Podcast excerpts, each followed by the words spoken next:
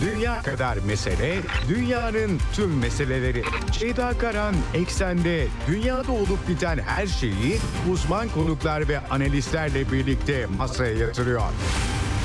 Dünyadaki meseleleri merak edenlerin programı Ceyda Karan'la Eksen hafta içi her gün saat 16'da Radyo Sputnik'te. Ceyda Karan'la Eksen başlıyor.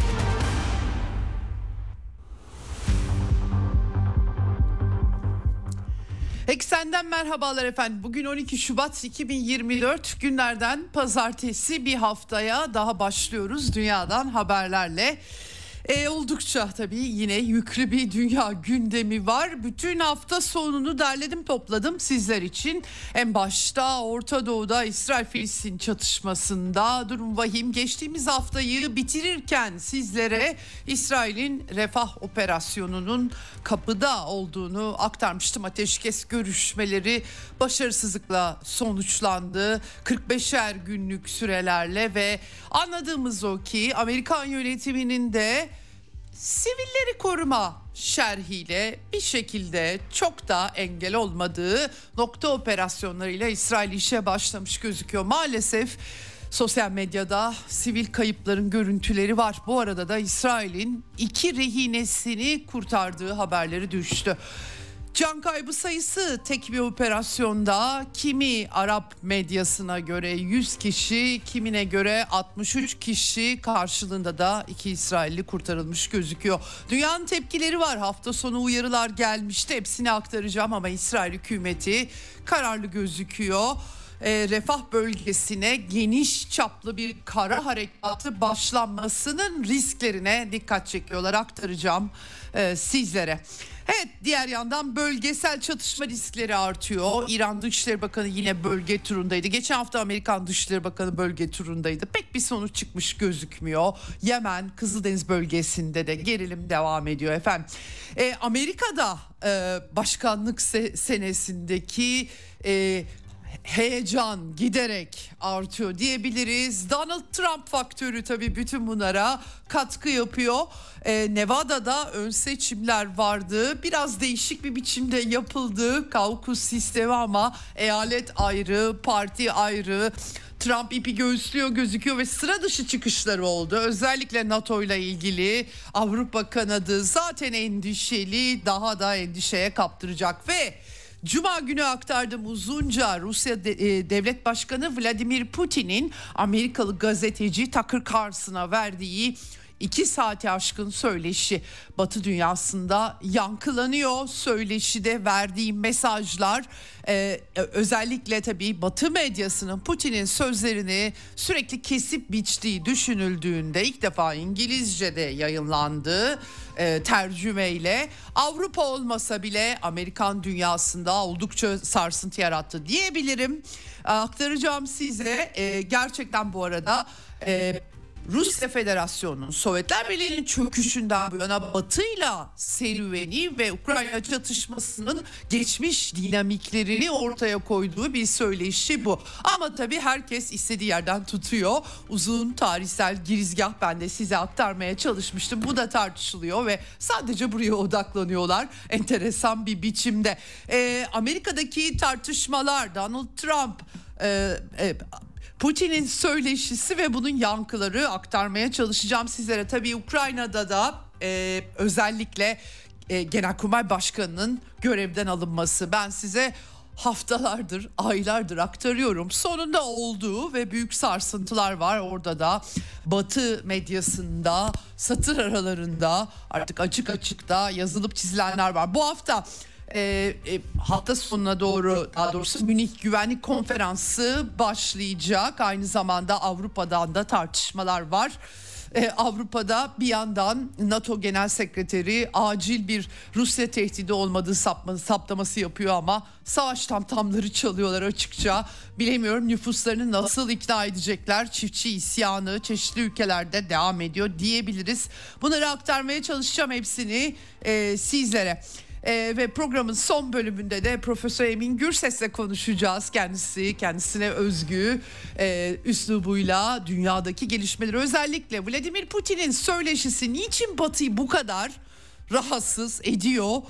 Bunları da soracağım kendisine e, değerlendirmelerini alacağız. Evet başlamadan frekanslarımızı aktaracağım ama artık frekanslarımızı her gün aktarmam çok mümkün olmayacak. Çünkü bu konuda bir müjde var. Yıllardır dinleyicilerim zaman zaman bana çeşitli kanallardan, sosyal medyadan ulaşıyorlar ve e, Türkiye'nin pek çok bölgesinde yayınlarımızı dinlemekte zorluk çektiklerini söylüyorlar. İnternet üzerinden dinleniyor olsa bile 5 e, ilin frekansını size aktarıyordum ama artık radyomuz Türkiye'nin 7 bölgesinde e, yayında e, pek çok e, ilde yayında.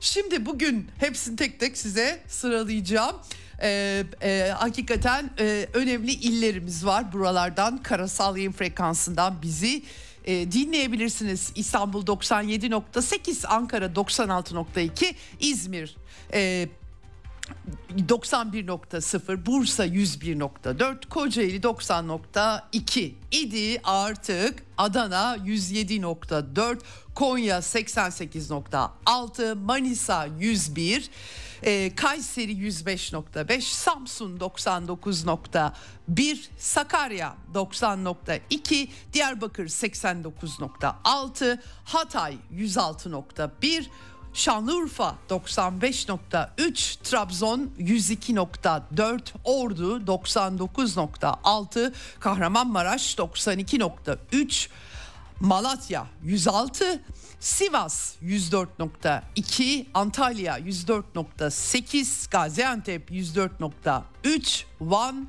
88, Mardin 92.2, Çanakkale 107.2. Bütün bu frekanslardan karasal yayın olarak bize radyomuza ulaşabilirsiniz. Tabii ki bunun dışında Sputnik Türkiye'nin web sitesi üzerinden cep telefonu uygulamasıyla Türkiye'nin her yerinden bizi dinleyebilirsiniz. Telegram hesabımız Radyo Sputnik. Hem canlı yayınları dinleyebilirsiniz hem de kayıtları arkadaşlarım koyuyorlar. Daha sonra dünyada ne olmuş ne bitmiş merak ederseniz buradan rahatlıkla bizi dinleyebilirsiniz diyelim. Başlayalım eksene. Dünya kadar mesele, dünyanın tüm meseleleri. Ceyda Karan Eksen'de dünyada olup biten her şeyi uzman konuklar ve analistlerle birlikte masaya yatırıyor. Dünyadaki meseleleri merak edenlerin programı Ceyda Karan'la Eksen hafta içi her gün saat 16'da Radyo Sputnik'te.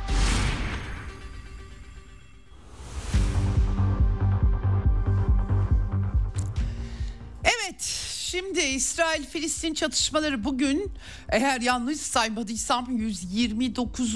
gün. Artık 4 ay tamamlandı ama çatışmaların ucu bucağı gözükmüyor. Hamas'ın 7 Ekim baskınıyla başlamıştı. İsrail ordusunun misillemesiyle e, gerçekten çok ağır bir hale dönüştü. Yaşananlar can kaybı en son Gazze'deki Sağlık Bakanlığı 28.340 olarak açıkladı. Bunların en az 12 bini çocuk 8 binden fazlası kadınlardan oluşuyor. Yaralı sayısı da 68 bine dayanmış durumda maalesef. Geçtiğimiz hafta aslında ateşkes umutları yeniden bir canlanmıştı. Paris'te istihbarat şeflerinin buluşmasında ancak hafta sonuna doğru e, İsrail'den red geldi. E, Hamas da tamamen kabul etmiş gibi gözükmese bile koşulları e, düşünüldüğü itibariyle daha bir müzakereye açık bir görünüm çizdi ama sonuç itibariyle müzakereler çöktü. 45'er gün sürecek 3 aşamalı ve bir anlaşmaya götürecek. İşte rehinelerin esir takasıyla kurtarılmasını da içecek içerecek. Yaklaşık 134 rehine var. Bir anlaşma umudu vardı. Ee, ama hafta sonu bütün bunlar geçen hafta e, cuma günü size aktardığım gibi İsrail'in Güney Gazze'ye hareketlenmesinin işaretleri çoktan gelmişti. Bunu açıkça da dile getirdiler. Tabii daha önce Gazze'nin kuzeyindeki sivillere güneye gidin dendi. Mısır sınırına, refaha. Şimdi nereye gidecekler? Gerçekten çok e, ağır bir durum var ortada. Hafta sonu arka arkaya Ee, özellikle İsrail Genelkurmay Başkanı Yoav Galant'ın 1 Şubat itibariyle kara saldırılarını refah kentine taşıyacaklarını açıkça dile getirmesinden sonra uluslararası toplumdan uyarılar geldi. Birleşmiş Milletler hem e, raporlama yapmışlar e, İnsani İşler Koordinasyon Ofisi zaten yıkılmış durumda geri dönecek evleri yok ki e, yaklaşık 70 bin evin tamamen yıkıldı 290 bin evinde hasarlı olduğu söyleniyor kaldı ki kuzeye nasıl geri dönsünler yani İsrail tekrar kuzeye dönün mü diyecek böyle bir sorun var. E, en son raporda 650 bin kişinin evsiz kaldığı söyleniyor belki daha da fazla aslında. Ama e, Han Yunus ve daha da güneyde Refah kenti herkesin odağı oldu. Birleşmiş Milletler hafta sonu açıkça Martin Griffiths İnsan İşler'den sorumlu Genel Sekreter Yardımcısı dedi ki X hesabından açıklama yaptı. Artık gidecek bir yerleri kalmadı. Nereye gidebilirler? Nasıl güvende olabilirler? Gerçekten böyle bir durum. Hiçbir yer kalmadı. Ee, arka arkaya Antonio Guterres'in sözcüsü BM Genel Sekreterinin sözcüsü Refah'ta müthiş bir izdiham oldu. Bu arada fotoğraflar da e, geldi tabii ki. E, zaten insani koşullar vahim ama asıl sorun nereye gidecekleri e, BM İnsan Hakları Şefi Volker Türk'ün işaret ettiği İsrail'in bir tampon bölge oluşturma girişimleri yatay düzleme yapıyorlar. Ben aktarıyorum size. Onlar da bu şekilde güvenliklerini sağlayacaklarını düşünüyorlar. Çok ağır bir fatura var Gazze şeridinde ve e, Gazze refah kentine sinyallerde bütün bu BM'den gelen uyarılar başkaları da var aktaracağım buna rağmen gerçekleşti. Açıkça da söylediler Netanyahu aslında 4 Şubat'ta söylemişti. Ee, ondan sonra İsrail Başbakanlık Ofisi'nden açıklama yapıldı. Ee, tahliyeden bahsediliyor. Hamas taburlarının yok edilmesi için plan hazırlanması talimatı. Belki de çoktan hazırlandı bu planlar tabii ki. Ee, yani ham, bu sefer de çünkü Gazze'nin güneyinde dört tabur var. Hamas taburu onları yok etmeden olmaz diyorlar. Ama bu sefer de nüfusun yıldığı yere bu işleri yapmaları gerekecek. Tabii tahliye meseleleri tartışmaları yapıldı ama nereye? 1 milyondan fazla Gazze'li olduğu söyleniyor. Orada 1.3 diyen var, 1.4 milyon diyen var. Nereye? Ee, Hatırlayacaksınız bütün bu işler başladığı zaman Amerikan Dışişleri Bakanı Antony Blinken'ın ve sonrasında hemen arkasından gelen Joe Biden'ın ilk Orta Doğu turunda Amerikan yönetiminin İsrail adına Arap müttefikleriyle Filistinli Arap nüfusu almalarını müzakere ettiği yansımıştı. Ama sonra Arap müttefiklerden büyük bir tepki gelince bunlar tabii ki tersine çevrildi. Amerikan yönetimi bunu onaylamadıklarını dile getirdi. Mısır ve Ürdün kabul etmiyorlar hiçbir biçimde. E, fakat İsrail'de sahada yaratılan çatışma durumu e, açıkçası İsrail'in askeri anlamda lehine işliyor. İnsani anlamda da bu ay sonunda Uluslararası Adalet Divanı'na raporlama gerekiyor. Birazdan aktaracağım ama pek de e, bununla ilgili bir dert taşıyorlar gibi e, gözükmüyor. Efendim e, dün sabaha karşı gece saat 2 gibi Refah'a İsrail harekatı oldu. İsrail tabii e, Arap medyasında çok gerçekten bakmak bakması çok zor görüntüler yansıyor. El Mayadin televizyonu Lübnan merkezli en az 100 kişinin hayatını yitirdiği 230'dan fazlasının yaralandığını duyurdu. El Cezire 63 can kaybı olarak verdi. Hangisi doğru bilmiyorum. Hamas İsrail'in refah saldırılarını kınadı. Soykırım savaşının devamı Amerika'da bu işin ortağıdır diye açıklama yaptı. İsrail ordusundan da açıklama var ve video görüntüleri var. İki rehineyi kurtardıklarını duyurdular. Louis Hur 70 yaşında ve Fernando Marman 60 yaşında iki esir aileleriyle kavuşmuşlar anladığım kadarıyla. İsrail ordusunun açıklaması şu şekilde özel kuvvetler istihbarat üzerine refah merkezinde bir binaya baskın yaptılar. Orada Hamas savaşçılarıyla çatışma çıktı. Hava kuvvetleri destek oldu. İşte o destek e, en az 100 ya da 63 Filistinlinin hayatına mal olmuş durumda. İki rehineyi İsrail kurtarmış durumda. 134 rehine bunların hepsini getirmekten bahsediyorlar. E şimdi tabii İsrail'de dün gece Tel Aviv'de protesto gösterileri vardı. Kudüs'te vardı. Rehinelerin kurtarılmasını talep ediyorlar. Netanyahu'yu eleştiriyorlar. Bir yandan İsrail kamuoyunda da böyle bir baskı var. Ee, Amerikan yönetimi ise sivillerin durumuyla ilgili kaygılı e, açıkçası ama engel oluyorlar mı? Emin olmak zor. Çünkü e, her ne kadar ben de size aktardım Beyaz Saray Stratejik İletişim Direktörü John Kirby e, refah bölgesine operasyon planlarını biz görmedik. Bilmiyoruz duymadık. E, ama tabii e, orada Filistinliler var. Çok sayıda insan yerlerinden edilmiş oraya geldi ve e, bu bir felaket olur bizim destekleyeceğimiz bir şey değil diyerek utangaç bir açıklama yaptı. Hayır operasyona girişmeyin demediler.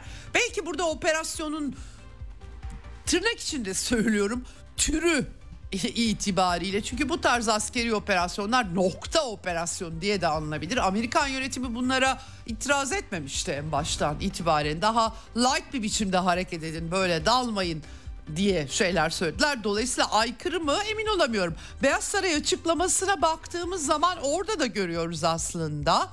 Ee, Netanyahu ile Joe Biden görüşmüş ve esirlerin bırakılması o tema görüşüldü yapılan açıklamaya göre. Ee, Biden Netanyahu'ya inandırıcı bir plan sivilleri de koruyacak inandırıcı bir plan yapmadan saldırmayın demiş. Ya inandırıcı plan sunarlarsa bilemiyorum. Tabii e, burada e, askeri operasyonla ilgili bunun yapılış biçimiyle ilgili itirazlar olduğunu anlıyorum. Bu neyi değiştirecek?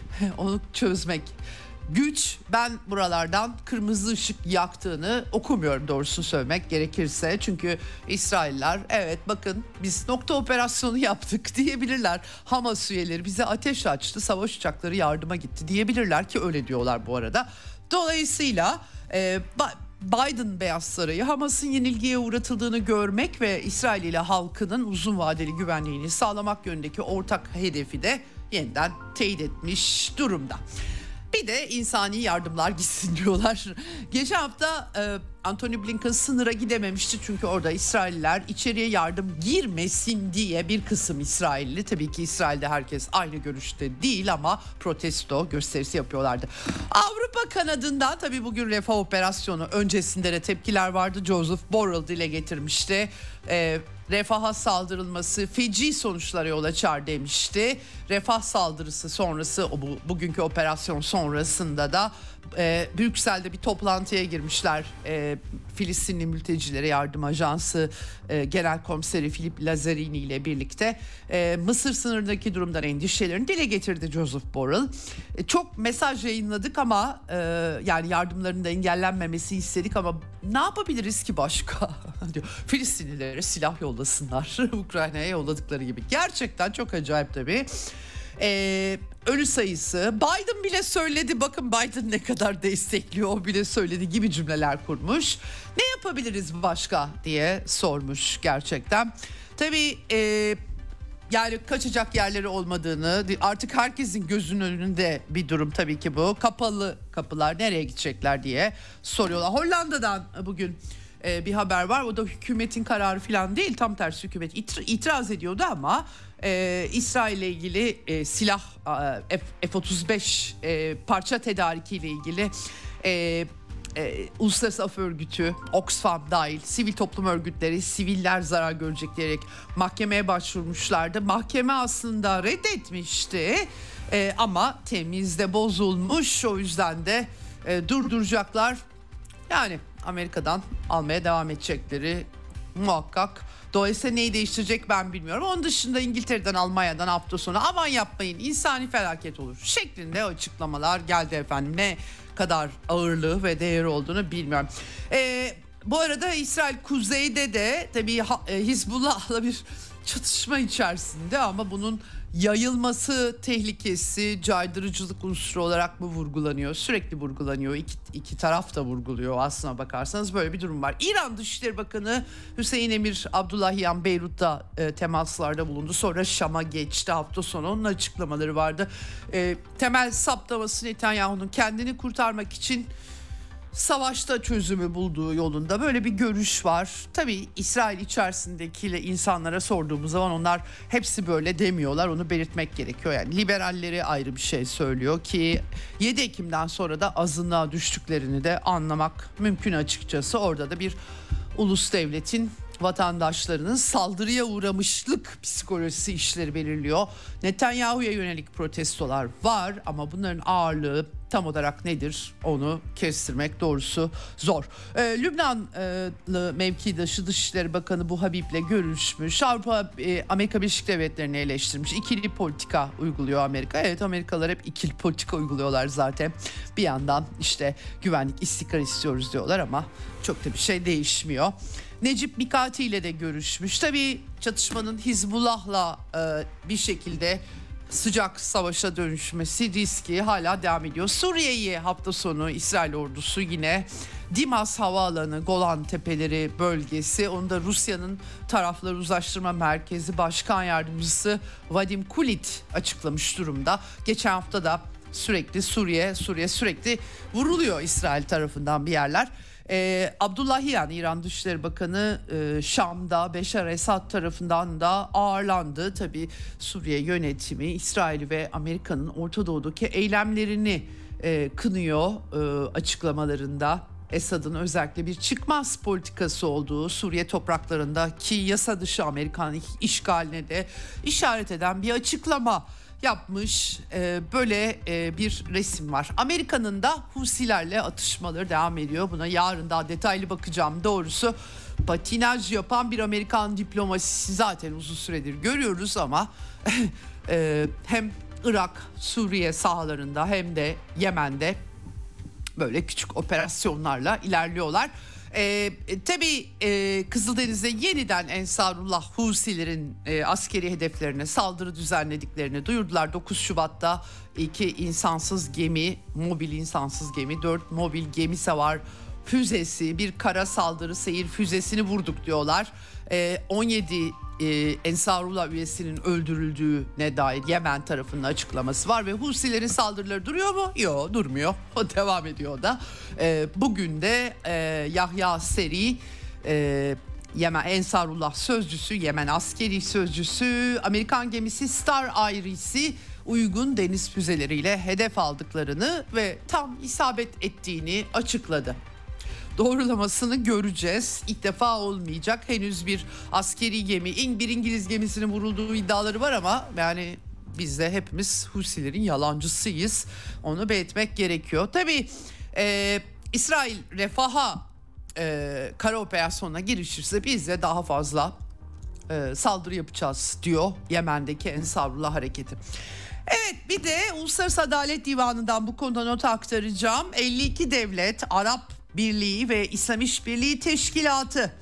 19-26 Şubat tarihleri arasında e, bir e, danışma görüşleri açıklayacaklar Adalet Divanı'nda. Aslında hukuki sonuçlar tartışılacak BM Mahkemesi'nde ee, bunların arasında Türkiye de katılmış bu arada. Sözlü açıklama 30'ar dakikalık sunumlar olacağını anlatıyorum. E, anlıyorum bu bitenlerden. Halka açık yapılacak bu duruşmalar. Tabii yayınlanacak ama İsrail sadece yazılı beyanda bulunacak anladığım kadarıyla. E, şimdi 26 Ocak'ta e, bir tedbir kararları açıklamıştı. Soykırım davasını kabul etmek için, davayı açmak için ön karar duyurmuşlardı. Yeterli zemin olduğu ve bu önlenebilecek şekilde e, ihtiyadi tedbir kararları vardı ama 26 Şubat'ta bir ay olacak. Bir ay içerisinde rapor vermesi gerekiyor İsrail'in ve e, bu yazılı beyan dışında ne yapacakları henüz belirsiz. Tabii e, e, gerçekten bu, bu da bir şey değil mahkeme yargılama değil. ihtilaflı bir e, davada bir şekilde bağlayıcı olmayan bir bir nevi hukuki görüş beyan etmiş olacak böyle bir çerçevedeyiz. Evet. Şimdi e, gelelim bölgede, bölge bağlamında Türk dış politikasına bugün Cumhurbaşkanı Birleşik Arap Emirlikleri'ne gidiyor. 12-13 Şubat pazartesi salı günleri e, hem El Nahyan e, devlet başkanı buna konuk olacak. Hem de burada Dubai'de Dünya Hükümetler Zirvesi düzenliyorlar. Ee, burada uluslararası planda temasları var ama dikkatler daha sonra geçeceği Kahire'de. Çünkü Cumhurbaşkanı Türkiye-Mısır ilişkilerinin Müslüman kardeşler yüzünden bozulmasından bu yana ilk kez Mısır'ı ziyaret edecek 14 Şubat çarşamba günü. Ee, önemli çünkü yani e, Türkiye Mısır ilişkileri 2013'ten beri e, gerçekten çok zor durumlara düştü. Siyaseten çok ağır cümleler söylendi. Gerçi Katar'daki Dünya Kupası'nda el sıkışma da oldu iki lider arasında. Fakat bütün dikkatler e, ticari ilişkiler açılmış olsa bile tam kapasiteli bir diyalog e, ikili ilişkiler bakımından e, Erdoğan'ın Kahire ziyaretine çevrilmiş durumda. Ee, çarşamba günü buna bakacağız. Tabii ki demeçler olacak. Rabia'dan bugüne köprülerin altından çok sular aktığını belirtmek gerekiyor. Evet İran'da da bu arada İslam devriminin 45. yıl dönümü ülke çapında etkinlikler var. Ee, bu ay sonunda da İran'da seçimler var. İçerisi sıcak İran'ın. Buna da ayrıca e, bakmaya çalışacağım. Şubat ayının e, kalan süresi içerisinde. Hemen dikkatimizi Amerika'ya çevirmek istiyorum. Çünkü Amerika'da 2024 başkanlık seçimi senesi ve ortalık kaynar kazan. Cuma günü aktarmıştım size.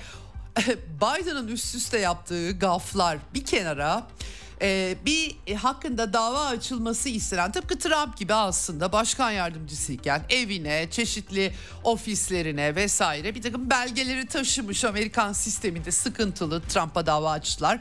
Fakat bu davayı ele alan özel yetkili savcı Robert Hur Valla Biden'a dava açamayız. Akıl sağlığında sorun var diye bir rapor verdi. Gerçekten şimdi sevinse mi demokratlar üzülseler mi bilemedim doğrusu söylemek gerekirse. Ama Amerika'da çok ciddi bir biçimde tartışılıyor. Nasıl tartışılmasın? Macron yerine ölmüş gitmiş Mitterrand'la konuştuğunu, Merkel yerine Kohl ile eski Almanya lideriyle konuştuğunu zanneden Joe Biden Gazze sınırının insani yardım geçişi konusunda da Meksika lideri ile konuştuğunu, e, onu uyardığını söyleyince tabii herkesin nevri döndü öyle söyleyeyim. E, yani tabii bir gaf, iki gaf, üç gaf, beş gaf yani dolayısıyla savcı da diyor ki yani adam zaten oğlunun öldüğü, e, onu da Irak'ta öldü diye yalan söylüyor. Tabii ki doğru değil bu ama ölüm tarihini de hatırlamıyor. Dolayısıyla kalkıp 7-8 sene öncesinin dosyalarını sorsak ne yazar diye e, bir mütalaa vermiş. E, özetle tabii başkan adayı Joe Biden ve geleneklere göre görevdeki başkan ikinci kez seçilmek istediği zaman herkes kenarda duruyor. Yapacak bir şey yok. Amerika'nın büyük sıkışmışlığı, Biden'ın ilerlemiş yaşı ve durum bu. Ee, ABC News ve Ipsos anketleri Amerikalıların %80'den fazlasının Biden'ın bir dönem daha görev yapamayacak kadar yaşlı olduğu görüşünü ifade ediyor. En son hem Obama hem de Trump'ın doktoru olan e, şimdi kongre üyesi Ronnie Jackson yani bir dizi yetenek testinden geçirmek lazım. Durum parlak değil gibi bir açıklama yapmış durumda. E, hal böyleyken rakip Trump tabii ön seçimler, ön seçim süreci yoğunlaşacak Nisan ayından itibaren Nevada'da. E, bir de enteresan işler kaukus formatında ama eyalet e, seçimlerine e, girmemiş Trump. Rakibi Nikki Haley girmiş ve yüzde otuz alabilmiş. Kaukus formatıyla parti toplantısı yani Trump yüzde doksanı süpürdü geçti. Aslına bakarsanız Nevada'yı almış gözüküyor. Yani bu sırada bu süreç içerisinde ne olacağı 3 aşağı 5 yukarı ortaya çıkacak ama Trump'ı durdurmak yargı kararıyla durdurmak mümkün olabilir. O zaman da Amerikan demokrasisinin dünyadan görünümü. İstedikleri kadar hukuken şu vardı bu vardı filan desinler. Değişmeyecek bir görünüm. Dolayısıyla Amerikan devlet sistemi büyük bir e, kriz yaşıyor. Ve üstüne üstlük Trump Biden hakkında konuşmakla yetinmiyor. Biden'a hayatta olduğunu bildiğini zannetmiyorum gibi açıklamalar seçilirse bu arada Amerika'nın sorunları çok vahim olacak. En yozlaşmış başkan gibi laflar etmekle kalmıyor. Güney Carolina'da mitinginde hızını alamadı Donald Trump. Şimdi tabii Amerika'da kendi tabanına hitap ettiğini dikkate alarak değerlendirmek lazım. Belki dış politika guruları çok anlamıyordur ama Amerika'nın hissiyatını e, Trump elinde tutuyor ve onu da yönlendiriyor çok başarıyla. Trump mitingde dedi ki büyük bir ülkenin başkanlarından biri ayağa kalktı ve şöyle dedi bir görüşmemizde Avrupalılardan bahsediyor. Peki efendim eğer ödeme yapmazsak ve yani NATO'ya olan paylarını kastediyor ve Rusya tarafından saldırıya uğrarsak bizi savunacak mısınız? Demiş başkanken tabi Trump başkanken Trump da diyor ki ben de ona dedim ki ödemediniz borcunuz var. Hayır sizi korumam zaten e, ben o zaman onların ne yapmak istiyorlarsa ona da teşvik ederim faturalarınızı ödemek zorundasınız demiş. yani e, tabii arkasından Amerika'nın yabancı ülkelere karşılıksız borç vermekten vazgeçmesi, bütün yardımları krediye dönüştürmesi gerektiği falan gibi şeyler söylüyor seçmenlerine ama e, e, hakikaten e, çok da e, Beyaz Saray'ı korkutucu. Ukrayna, İsrail ve Tayvan'a para verilmesi tartışılırken ki Senato'da en son 95 milyar dolar geçti ama tabii temsilciler meclisinde cumhuriyetçiler ağırlıkta oradaki akıbeti ne olacak henüz belirsiz. Böyle bir dönemde çıkıp yani ne oluyoruz diyen bir Trump ve üstüne üstlükte bir de Avrupa'dakilerin ödü kopuyor. Trump seçilirse ne yapacağız diye. NATO var niye ödleri kopuyor derseniz tabii orada sıkıntılı bir durum var. Hemen Stoltenberg NATO Genel Sekreteri akşam açıklama yaptı. Ee, e, bir şekilde Batı ittifakına saldırı olursa burada kendi içlerinde tartışıyorlar. Olayın Rusya ile bilgisi yok. Kendi kendilerine Trump'la ve de tartışmalar gerçekten enteresan. Ee, birlik ve birlik içerisinde güçlü bir tepki veririz ee, ve e, tabii e, bir, müttefiklerin birbirlerini savunamayacağını söylemek e, Amerika'da dahil olmak üzere güvenliğimizi baltalar işte risk altına sokar NATO birimiz hepimiz için falan filan.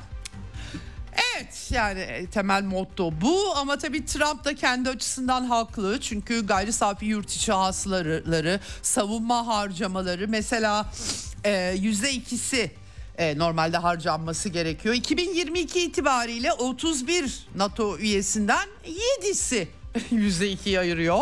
Diyeceksiniz bu kadar savaşa da para veriyorlar nasıl oluyor? Hakikaten nasıl oluyor? E, 2014'te yüzde 3 ülke sadece şimdi artık NATO üyeleri tabii 31 İsveç'i Macaristan'dan onay alması lazım. Türkiye onay verdi ama 32 olacak. Yani sadece 7 ülke %2'sini savunmaya harcıyor. Dolayısıyla Trump da çıkıyor diyor ki kardeşim yani sizin savunma sizi biz savunuyoruz. Sizin savunma faturanızı da biz mi ödeyeceğiz diyor. Avrupalılar da eyvahlar olsun ne yapacağız biz? ee, yapıyorlar yani açıkçası bir sürü şey. Neyse. Gerçekten tabii tepkiler var Avrupa Birliği'nden. Biden da hemen e, o da bunu kullanmaya çalışıyor tabii Trump gibi. Hemen tweet atmış ilk hesa X hesabından ya da tweet e, X postu yeni tabirle. Ukrayna'nın neden önemli olduğunu bilmek istiyor musunuz? Gördüğünüz gibi Putin ve onun kullanışlı uçakları gözlerini daha büyük ödüllere dikmiş.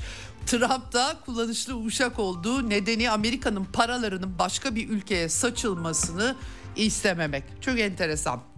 Tabii altına döşelenlere şöyle bir baktım. Kullanıcılar daha çok Biden'ı eleştirmişler efendim.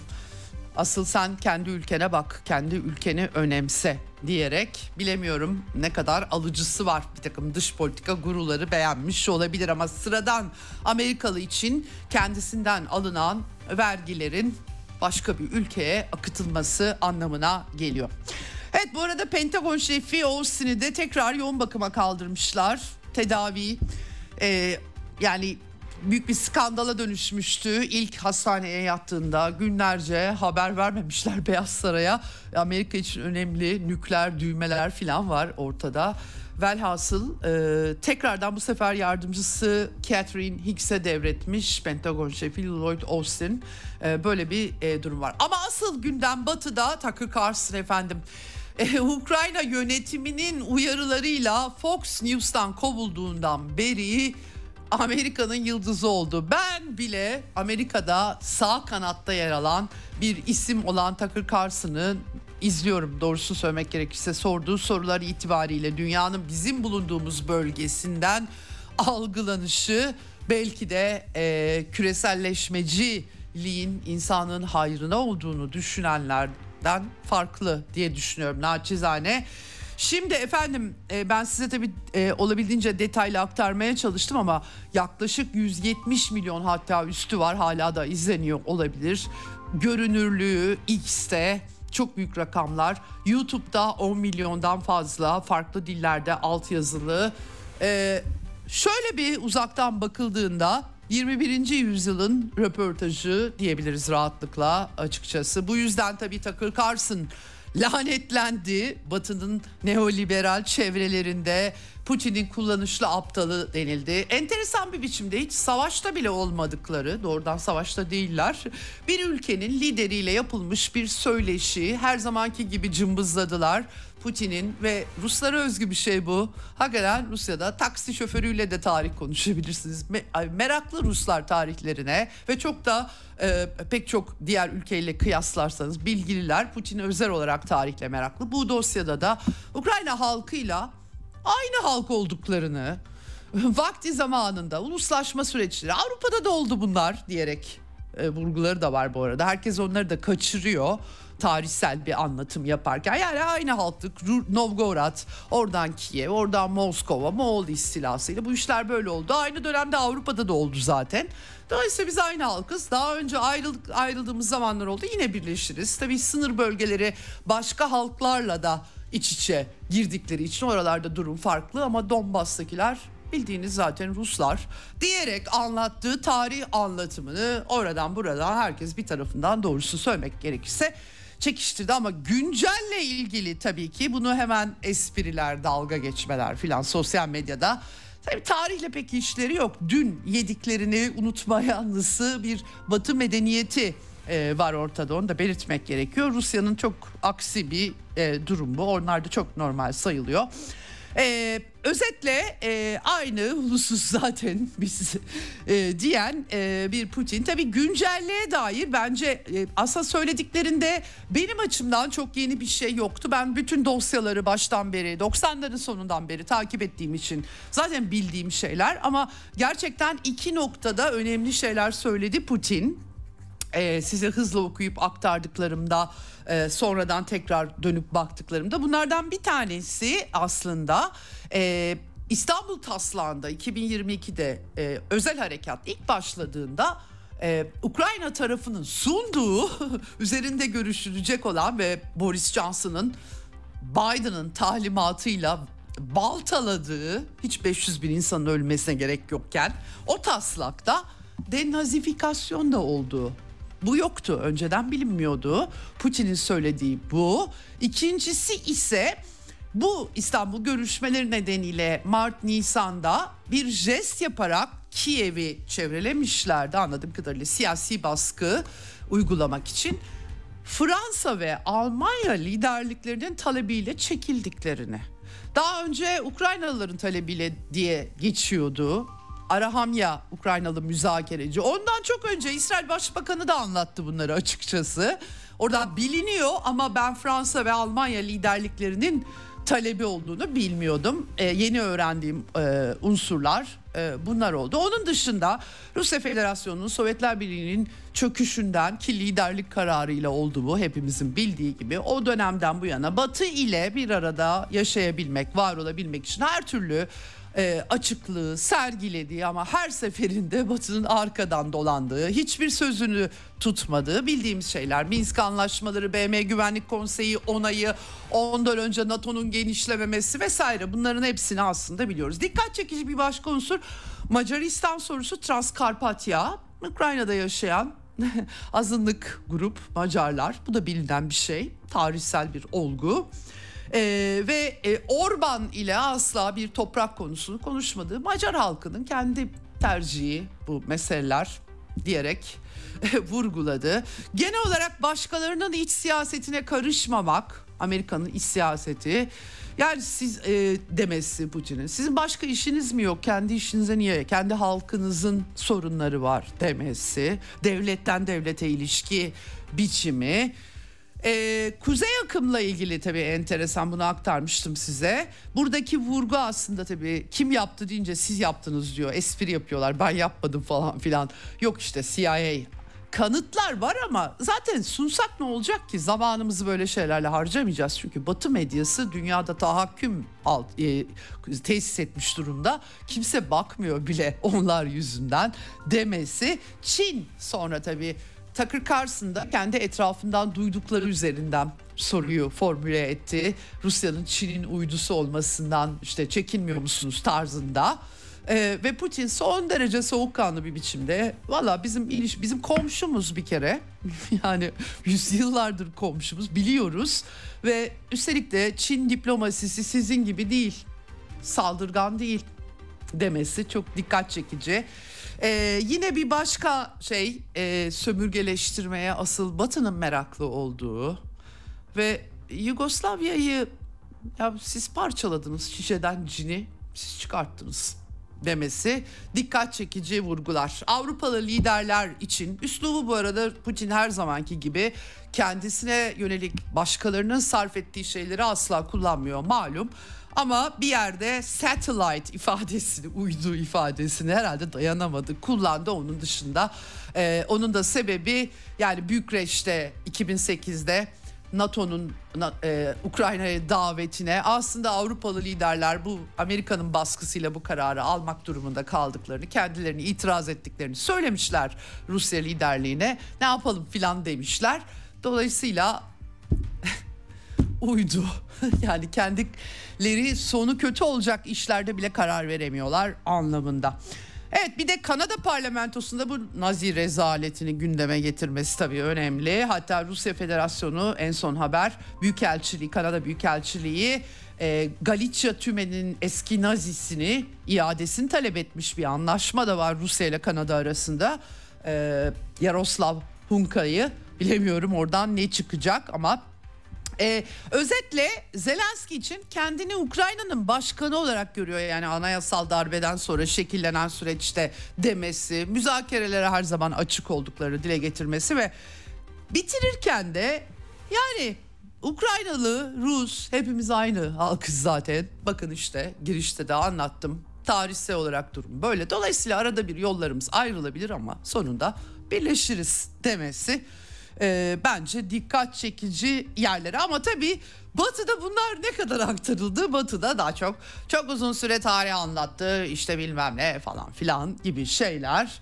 E, alçak Tucker Carlson e, artık biliyorsunuz çünkü e, büyük ulus devletler hayırlı değil onların parçalanması gerekiyor. Peki hangi temelde? Etnik ırkçılık ezilmiş halkların etnik ırkçılığının güzellenmesi yeni tema bu şekilde. Ulus dediğimiz ama kendileri yaratıyorlar tabii. Hong Kong'dan Çinli, İngiliz Çinlisi yaratılabiliyor ama yüzyıllardır bir arada yaşamış olan insanlar aynı ulusun unsurları jeopolitik olarak eğer batının çıkarlarına uymuyorsa olamıyorlar. Böyle bir durumda karşı karşıyayız. Evet Şimdi tabii e, Tucker Carlson e, bu kendisi hakkında söylenen her şeye dalga geçmiş durumda. Pek de bunları şey yapacak bir tip değil zaten. Ama e, Avrupa'da yaptırım uygulayalım falan bile dediler efendim. Beyaz Saray'da ya, yok, inanmayın falan gibi yani mesele o mu? Sonuç itibariyle adam röportaj yaptı. Başka bir ülkenin liderini başkalarının manipüle edip aktarmasının ötesinde birebir dinledi insanları. Kendi kararlarına kendileri varırlar bu kadar basit bir şey. E, dolayısıyla tabii e, bu konuda pek çok tepki var. Kremlin'den de var. Ee, yani onlar da Amerikalıları kendileri nasıl algılıyorsa tarih bölümünü doğal tabii Amerikalıların anlamakta zorlanması. Onlar Kızılderili tarihini bile bilmiyorlar. Neyse efendim ee, tepkiler değişik tepkiler var. Boris Johnson yalancılıktan başbakanlıktan oldu adam ama yalan söylüyor diye Takır Carson'ı da eleştirmiş. Putin'e yalan söylüyor demiş, gülünç demiş. Gerçekten hakikaten gülünç yani. Adam cidden yalancılık yüzünden başbakanlıktan olmuş bir isim. Olaf Scholz o sırada Amerika'daydı, Beyaz Saray'daydı. Saçma gibi şeyler söyledi. Ee, hakikaten pes diyorum başka bir şey söylemiyorum. Kuzey yakın iki saldırısı ortada. Angela Merkel'in Die Zeit'a yaptığı röportajda biz Minsk Anlaşması, BM onaylı Minsk Anlaşması'nı Rusya'yı oyalamak için Ukrayna ordusunu destekleyecek zaman kazanmak için yaptık diye kendi beyanları ortada. Dolayısıyla gülünç olan, saçma olan nedir? Çok merak ediyorum doğrusunu söylemek gerekirse. Evet Almanya'nın başında da dert bin değil ki bin. Bir değil ki bin yani 1500 ya da 2000 neyse rakamları karıştırdım efendim. E, Bild gazetesi artık pardon Bloomberg artık Almanya küresel endüstriyel bir süper güç olarak son günlerini yaşıyor diyor.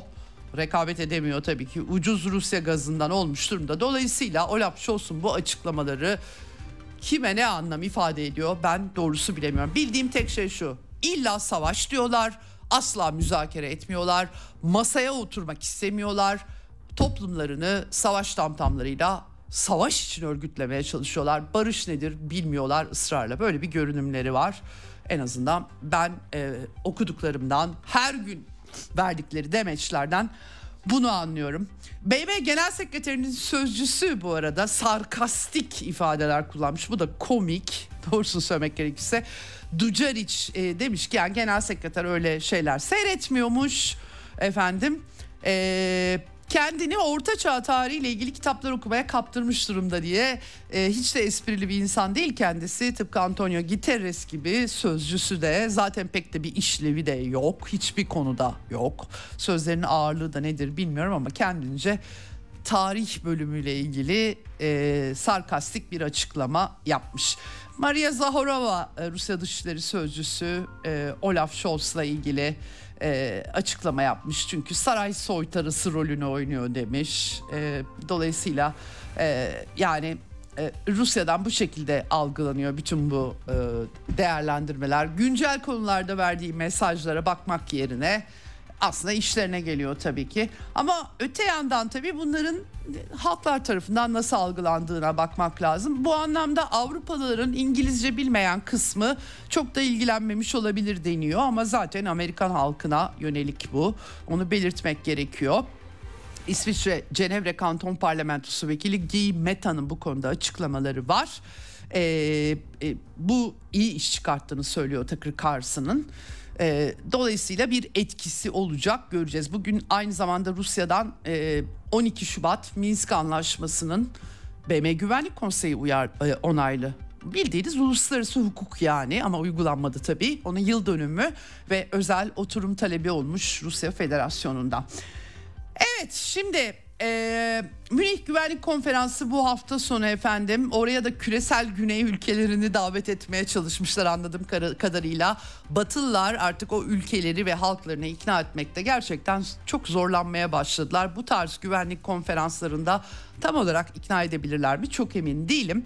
E, Blackwater'ın kurucusu eski deniz komandosu Eric Prince bu arada kendini yönetemeyen ülkeleri biz yönetmeliyiz.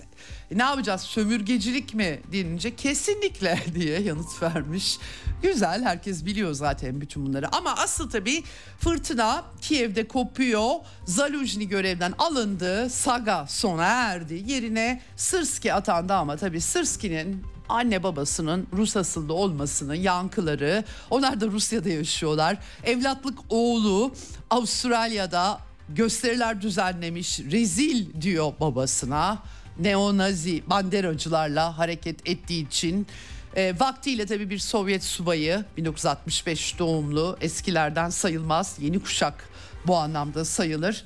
E, işi zor çünkü e, cephedeki durum hafta sonu çok iyi taradım Telegram kanallarını gerçekten çok vahim Ukrayna ordusunun durumu. Özellikle Avdiivka bölgesinde yeni seferberlik yasası çıkmazsa insan kaynağı yok, mühimmat yok. New York Times Mart ayında hava savunma füzelerinin susacağını söylüyor yazıyor. Ben demiyorum New York Times diyor ve bir yandan da Ukrayna içerisinde meydan Zelenski meydan protestolarının o darbe sürecinin parçası da değildi ama meydancılar e, Vitali Klitschko Kiev e, va, e, belediye başkanı ve Poroshenko çikolata kralı eski devlet başkanı onlar Zelenski'ye istifa çağrıları yapıyorlar. Dolayısıyla Zaluzhin'den kurtulmak Mart sonunda da görev süresi doluyor. Zelenski'nin ne kadar işine yarayacak kimse çok bilmiyor. Doğrusu söylemek gerekirse bu konuda Bloomberg'de, Politico'da Sırski'nin kasap Ukrayna askerlerini gereksiz yere cepheye sevk etmekle Bahmut Artyomovsk'ta büyük rezaletti tabii. Israrla kıyma makinesini gönder gönderdi askerleri. Kupyansk'ta öyle. Dolayısıyla Zaluzhny'den farklı olarak bir de Rus asıllı olduğu için Ukrayna'da şimşekleri çekeceği anlaşılıyor. Larry Johnson ben de yakından takip ediyorum. Ukrayna ordusunun Sırski'nin emirlerine itaat etmeyebileceğini yazmış. Zaluzhny banderacılarla yakın bir isimdi. Dolayısıyla şimdiden tabii e, böyle eleştiriler varken ne olacak bilmiyoruz ama e, ilk olarak Avdiivka'ya yeni takviye güçler atılmış durumda. Zelenski de bunu istiyor bu arada. Yani Sırski'nin günahı da değil. Zaluzhny direniyor deniyordu. Avdiivka'da durumu hiç parlak gözükmüyor Ukrayna ordusunun. Bilemiyorum bu yedek güçler neyi değiştirecek? Neredeyse ikiye bölüyorlar. Kıskaç'ın kapanması dışında dört bir yandan haberler var. Başka cephelerde de var. Çasofyar'da, Bahmut Novomihailovka'da aynı şekilde hiç e, parlak değil. Ukrayna ordusu ilk kadın asker kayıplarını da vermiş gözüküyor. Ee, Anna Aleksandrivna 21 Mart 2000, 2001 doğumlu gencecik kadınlar cephede asker e, e, yetersizliği yüzünden kadınlara da özel kıyafetlerle cepheye sürmüş durumdalar. Son Ukraynalı'ya kadar Lindsey Graham'ın dediklerini yapıyorlar maalesef. Ee, bunun dışında Svetlana Mihailovka, Odaschenko, e, diye Natalya Bokoç diye 3 kadın askerin isimlerini gördüm Telegram kanallarında geçiyor efendim.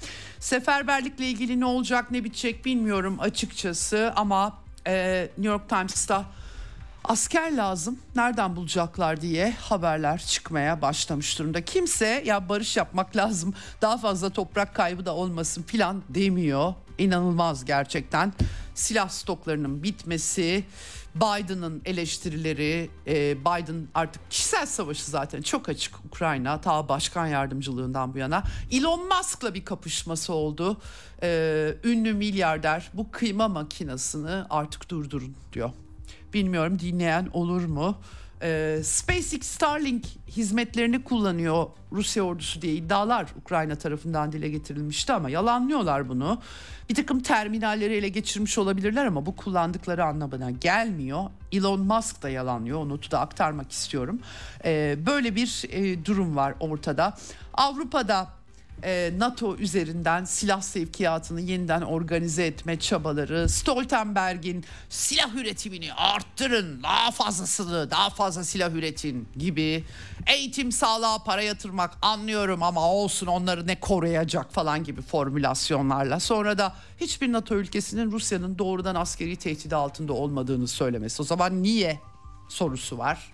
Böyle enteresan ve The Times gazetesi bu arada bugün bir iddiaya yer vermiş. Rusya'ya İngiltere'den 100 milyon dolar değerinde ekipman gitmiş. 2023 yılının ilk 10 ayından bahsediyoruz bu arada. Kapitalizm yolunu buluyor görüyorsunuz efendim. Evet e, İngiliz uçak gemisi e, Queen Elizabeth arıza olmuştu gidememişti NATO'nun tatbik büyük tatbikatına yerine Prince of Wales gidecekti Galler Prensi ama o da ertelenmiş. Nedenini yazmıyor İngiliz medyası. Enteresan işler bunlar. Macaristan'a baskıları sürdürüyor Avrupa Birliği. Macaristan liderliğine tehdit ve baskıları AB üyesi ülkenin ekonomisini baltalama tehditlerini nereye varacak bunlar bilmiyoruz ama şimdi konuşacağız birazdan Putin'in açıklamaları, Batı'nın tepkileri, nereye gidiyoruz? Profesör Emin Gürses konuğum olacak. Kısa bir tanıtım arası hemen buradayız bizden ayrılmayın.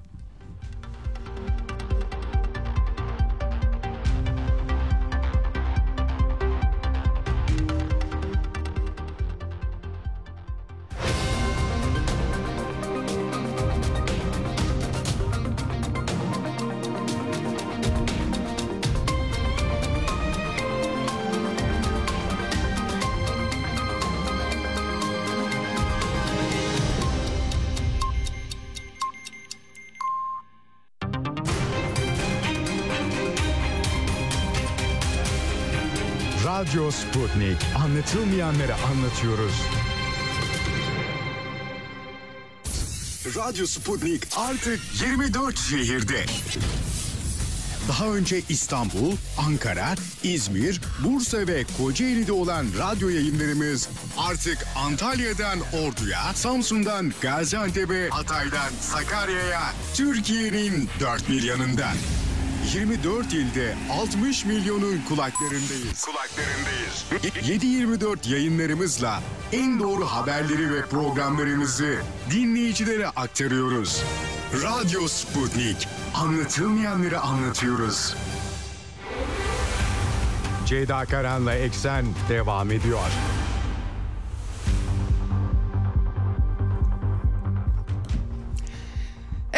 Eksen'in son bölümündeyiz. Telefon hattının diğer ucunda Profesör Emin Gürses var. Hocam hoş geldiniz yayınımıza. Hoş bulduk hocam. Kolay gelsin. iyi yayınlar diliyorum. Çok teşekkür ediyorum. Epeydir bir, bir ayı açtı konuşmamıştık. Dünya yerinde durmuyor hocam. Pek de iyiye gitmiyor hiçbir şey doğrusu. Ben her gün böyle saçlarımı beyazlata beyazlata gelişmeleri takip edip aktarmaya çalışıyorum. Şimdi e, hocam e, e, Ukrayna çatışmasını bir türlü durdurmak istemiyorlar çok açık bir biçimde. Avrupa halklarına da e, savaşa hazır olun vesaire gibi cümleler kuruyorlar. NATO Genel Sekreteri silah üretimini arttırın diyor. Sonra da şu an bir acil tehdit yok diyor. Acil tehdit yoksa neden e, bunlar oluyor derken e, çok acayip tabii geçen hafta böyle biraz Batı kamuoyu karıştı çünkü Tucker Carlson Amerikalı gazeteci e, Fox News'tan e, Kiev yönetiminin müdahalesiyle atıldığını geçen e, geçen sene dinleyicilerimize anımsatalım. E, sakıncalı sorular sordu kendisi çünkü. Ben çok ideolojik olarak yakın değildim ama ben izlemeye başladım artık. E, hocam kendisi Moskova'ya gitti. Böyle birkaç gün kaldı. Putin'le de bir röportaj yaptı. Batı'yı çok kızdırdı. Neden kızıyor Batılılar Putin'in bu röportajlarına bu kadar? Önce onu sorayım size. Ya iki tane iki tane önemli mesaj verdi. Bir, hı hı. bize söz verdiler. NATO genişlemesi duracak. İlişkilerimiz iyiye gidecek. Rusya'yı da biz müttefik olarak güvenlik sisteminin içine alacağız, dahil edeceğiz diye söz verdiler diyor. İkincisi. E, çatışmalar diyor 2022'de başladığını söylüyor e, şey Putin ama NATO Genel Sekreteri diyor ki 2014'te bu işler başladı diyor. Hep yalan söylüyorlar diyor. Üç, İstanbul'da görüşmelerde biz anlaşmıştık diyor Ukrayna'yla. Sonra İngiliz Başbakanı araya girdi Johnson. Bu işi engelledi. Şimdi bu Batı bunları bilmiyor. Nasıl ki Amerikalılara soruyorsunuz Hindistan nerededir bilmiyor. O Güney Amerika'yı gönderiyor. Hind, e, Indiyanlar yaşıyor ya orada. Yani evet, onun gibi. Batı'nın bunları bilmesini istemiyor. Şimdi bugün ben baktım ya The Guardian'da bile ben orada bile çalıştım onun mutfağın şeyde e, basım işlerinde. Ya Guardian'da bile burası sendikal 1821'de kurulmuş bir sendika gazetesi ya. Bunlar bile Putin'e saldırıyorlar. Ya adam diyor ki tamam biz sordum sordum cevap verdiler. E siz de deyin ki verdikleri cevap yanlıştır. Ya bu yeni değil evet. ki. Yeni değil ki. Evet. Bu boru hatlarının patlatılması meselesini daha patlatıldığının gecesi biz onları basına söyledik. Bunu en az birkaç yüz metre boyunca boru hattı tahrip olmuş. Bu sıradan bir patlayıcı da olmaz. Evet, Bunu evet, İngiliz. Amerikan istihbaratı yer altında insansız araçlarla buraya bomba yerleştirdiler. İnsansız araçlarla yaptılar bunu. Biliyorsunuz birkaç evet. gün evvel İsveç hükümeti araştırmalara son verdik diye açıklama yaptı. Niye son veriyorsunuz evet. araştırmalara? Çünkü arkasından kendileri onları çıktı. Arkasından Rusya evet. çıksaydı son verirler mi? Bir açıklama yaparlardı. Putin'in bu açıklaması Batı'da önemli bir etki yapacak. İnanıyorum ki Ukrayna'da da bir etki yapacak. Hı hı. Evet. Bu çok hayırlı, Peki hocam. hayırlı bir iş oldu. Evet. Ee, diyor ki Putin eğer söylediklerimi yalanla yalan yalan yalan diyorlarsa e, şahidim var. Clinton'a sorun. İşte isimler veriyor bunlara sorun diyor. Ya adam evet. sollara cevap verdi. Fakat Rusya'nın Batı gibi bir yalan propaganda aracı böyle bir sistemi yok. Onu bilmiyorlar. Hı hı. Batı'da yalan söylemek, ya Guardian bunu yazdığına göre artık ipinici kaçmış demektir. Yani Amerika'daki New York Times falan bunları say, Washington Post bunları saymıyorum. Onlar zaten öyle saldırılar var ki ya BBC sayfasında saldırmak için özel sayfa yapmış ya. BBC internetteki sayfasını ona ayırmış. Ne kadar bunlar bunlar hep yalan şeylerdir falan diye. Çünkü İngiltere Başbakanı işin içinde. E ama e, e, Emin hocam yani Boris Johnson yalancılıktan başbakanlıktan olmuş bir adam yani açıkçası onun sözlerini kim ciddiye alır onu bilmiyorum ben Bugün- doğrusunu bugün- söylemek bugün gerekirse. demeci var. Bu söylenenler yalandır diye. Kendi demet veriyor yalandır diye. Ya insanlar da biraz ar olur yani. Ar damarı onlar da tabii herhalde yani ben her zaman diyorum yani e, e, Akif'i gülüyorlar ama Akif sıradan bir şey söylememiş. Emperyalizm saldırırken tek kişi kalmış canavar diyor. Saldırıyorlar ama etkili olamıyorlar. Putin ne diyor? Ya diyor Rusya'yı yenmeleri mümkün değildir diyor. Evet. Evet. Aa, bu, bu savaş büyürse bir bahane bulurlar da bunu NATO'nun bilmem 5. maddesi falan filan böyle numarayı yaparlarsa e, o zaman ahirette görüşünüz olur o zaman.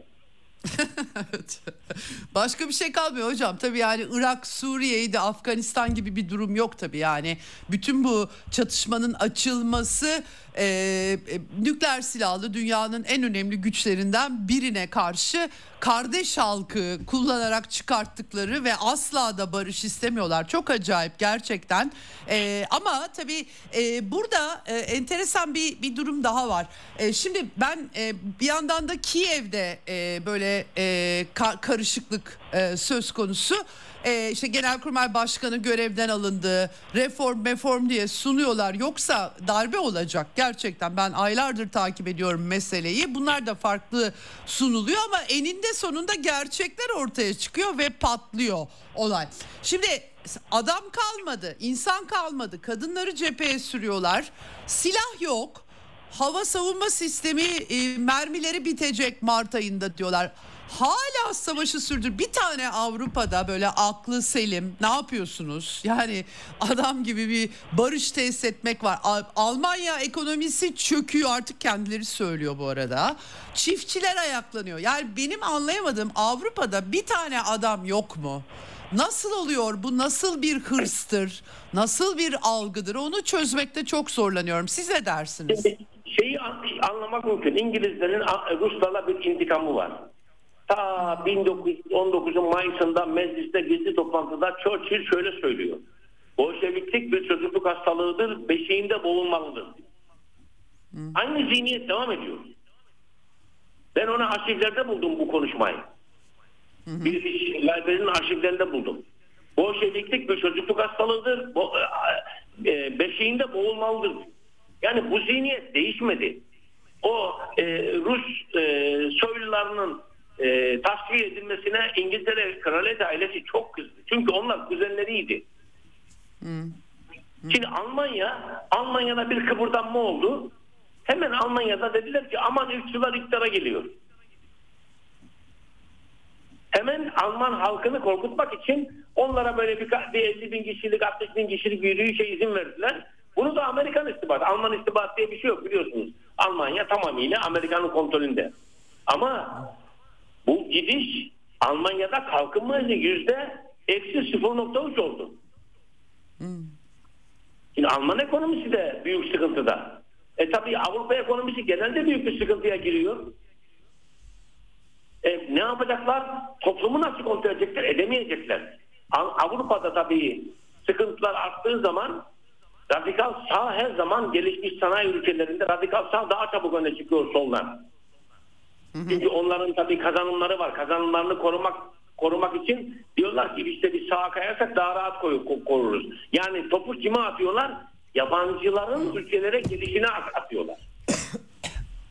Yani yabancı yabancılara topu atmak çok daha kolay.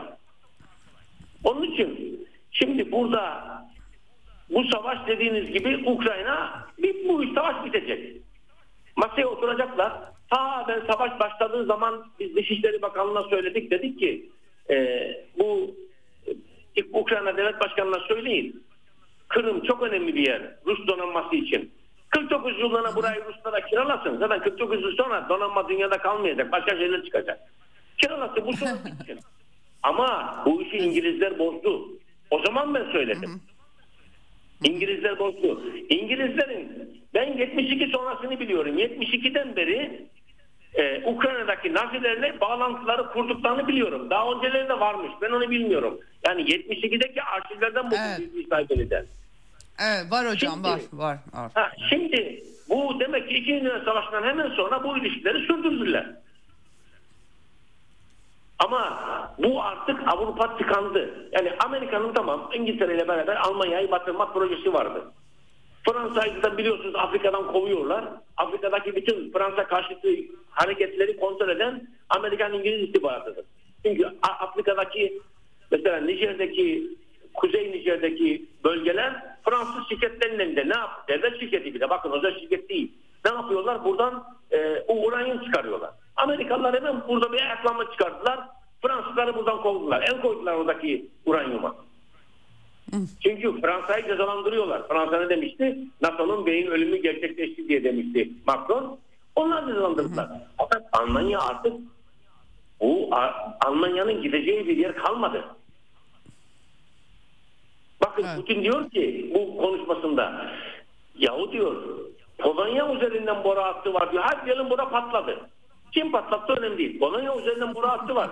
Polonya'ya niye talimat verdiler boru hattını kapattılar Avrupa'ya doğalgaz verelim diye. Kapattılar. Bir buçuk kat pahalısını Evet. Amerika'dan getiriyorlar. Evet. Hakikaten öyle.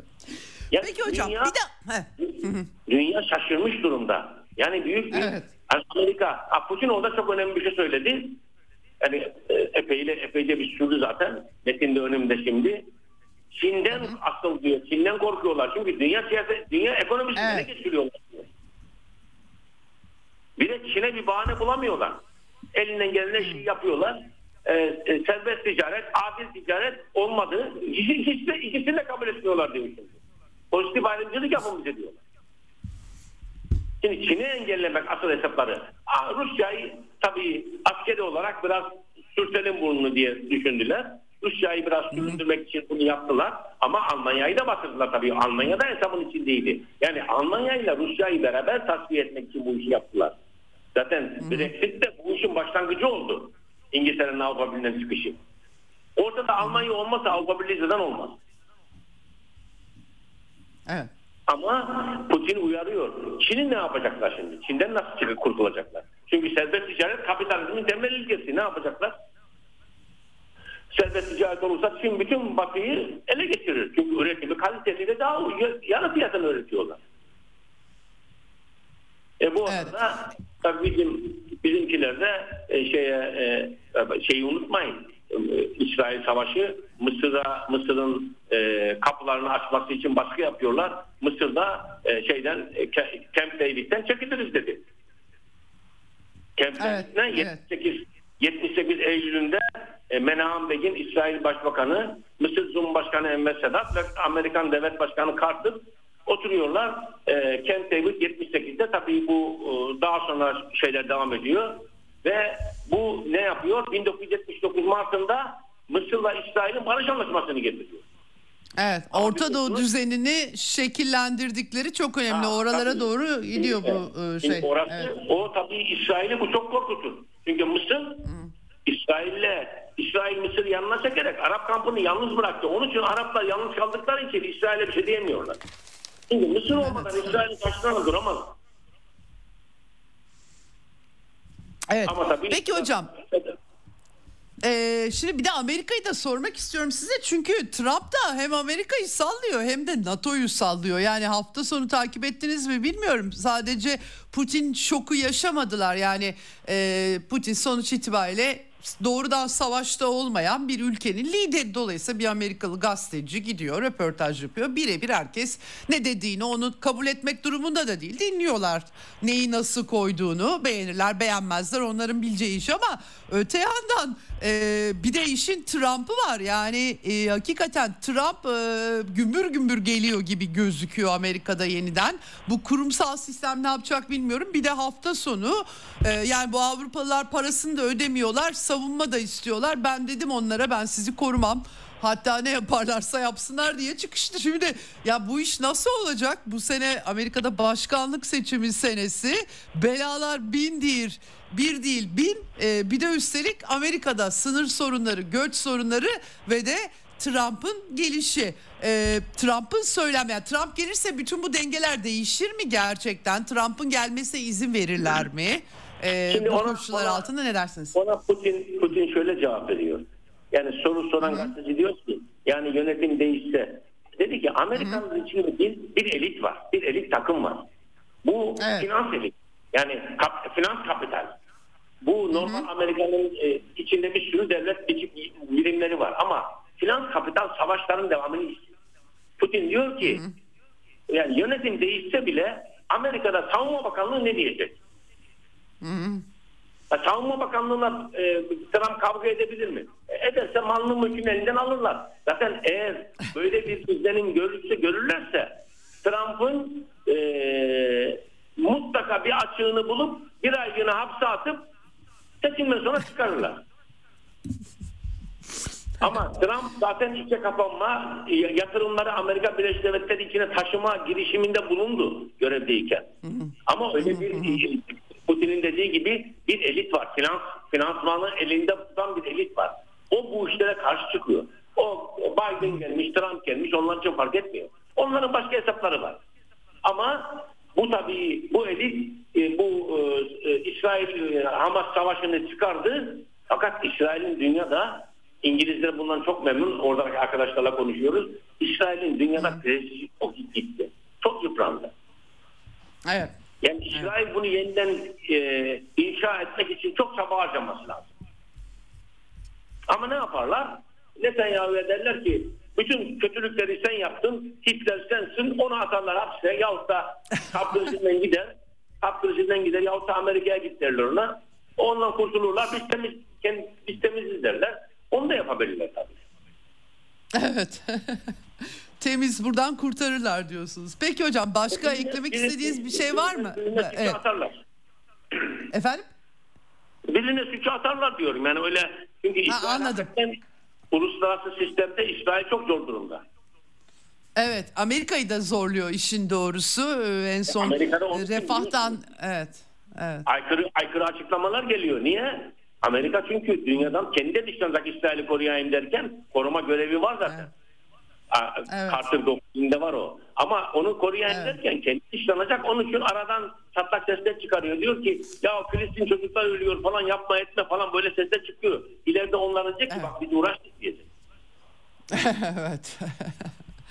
evet. Peki hocam çok teşekkür ediyorum. Başka ilave etmek istediğiniz varsa tabii e, alabilirim. Ben teşekkür ederim. İyi yayınlar diliyorum. Çok teşekkürler. Sağ olun. Çok çok çok çok sağ olun.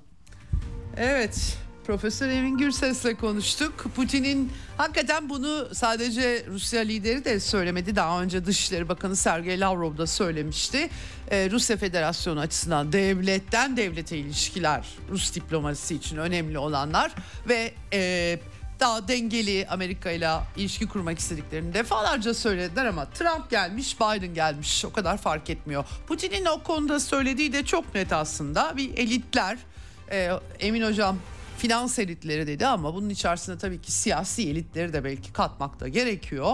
Onların tavırları, e, küçük ülkeler işe yarar e, işler çıkartabiliyor biliyorsunuz. Küçük olunca e, Yugoslavya'yı böldükleri gibi minik minik daha kolay hazmı mümkün oluyor. Biraz böyle güçlü kaynaklarını kendisi kontrol eden, edebilen, e, mali sistemini tümüyle teslim etmemiş, piyasasını sonuna kadar açmamış olan ülkeleri çok sevmiyorlar hakikaten. Batı sistemindeki elitler biraz sınırlama getirirse filan böyle bir burada demokrasi sorunu var şeklinde tespitler görüyoruz. Ee, ve e, tabii buradan nereye gidilecek ayrı bir soru. Macaristan Avrupa Birliği üyesi biliyorsunuz Macaristan'a çok büyük bayağı Financial Times gazetesi e, Avrupa Birliği sabot Macar ekonomisini sabote etme planları yapıyor diye haber çıkarttı. Yani nasıl oluyor Avrupa Birliği kendi üyesinin ekonomisini sabote ediyor. Türkiye'den falan bahsetmiyorum. Macaristan'dan bahsediyorum.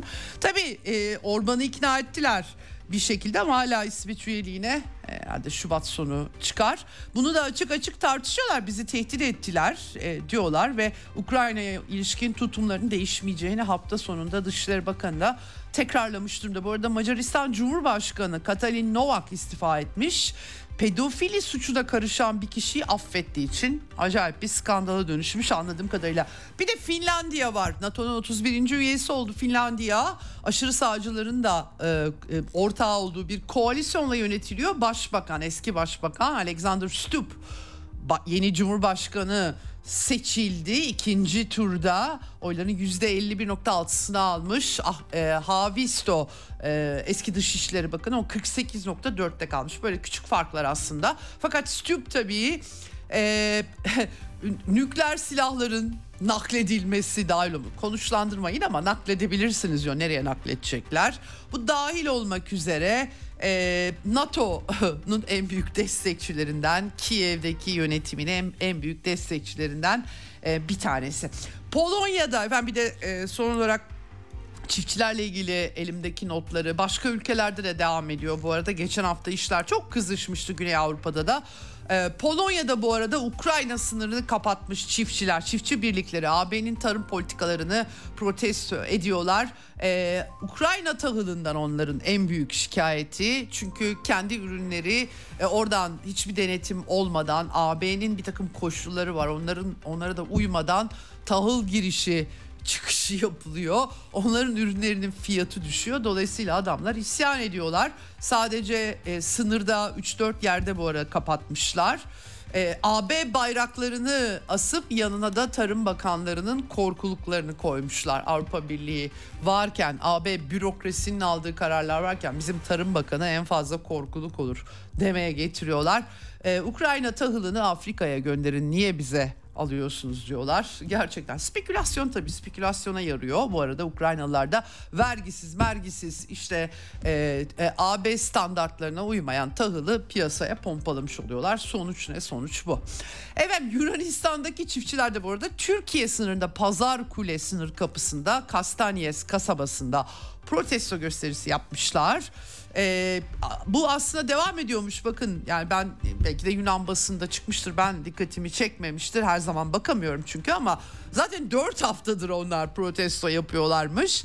Ee, yolları molları kapatıyorlar da vergisiz tarımsal yağ elektrik için düşük tarife istiyorlar. Erzak yem sübvansiyonu istiyorlar. AB'nin ortak tarım politikasını uygulamayın kardeşim. Bizim tarıma uymuyor bu işler. Biz zararlı çıkıyoruz diyorlar. Bilmiyorum bu ne kadar mümkün olacak. Ee, bir de tabii e, Türkiye'nin F-16 meşhur F-16 satışı en son Ron Paul senatör Kentucky senatörü bir itiraz sunmuştu bir tasarı ama işlem yapılmamış ve süre doldu. Ee, anladığım kadarıyla Erdoğan yönetimi, Biden yönetimi anlaşmışlar. 15 günlük inceleme süreci e, ve itiraz süreci de tamamlanmış durumda. Türkiye'nin F-16'ların Türkiye'ye satışı konusu e, böylelikle e, engel kalmamış durumda. 40 adet yeni F-16 Blok 70 savaş uçağı ayrıca 79 uçak için modernizasyon kiti. Büyükelçi Jeffrey Flake bu konuda paylaşımda bulunmuş. İleriye doğru önemli bir adım demiş. NATO'nun gücü açısından Türkiye'yi de güçlendireceklerini dile getirmiş. Tabii bu F-16'lar öyle yarın öbür gün gelmeyecek. Kimileri 4 yıl sonra gelecek diyor. Hatta 8 yıl diyenin de duydum. 8 yıla kim öyle kim kala onu bilmiyorum. Doğrusunu söylemek e, gerekirse. Ee, bir de e, size bir teknolojiden son not aktarıp tamamlayacağım. Dubai'de dünyada uçan taksi hizmeti veren ilk şehir olacakmış Dubai. Birleşik Arap Emirlikleri Ajansı duyurmuş.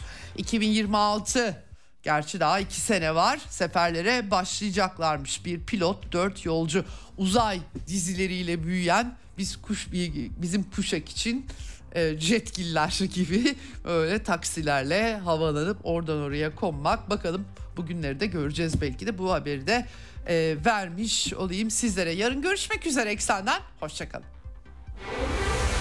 Ceyda Karan'la Eksen sona erdi.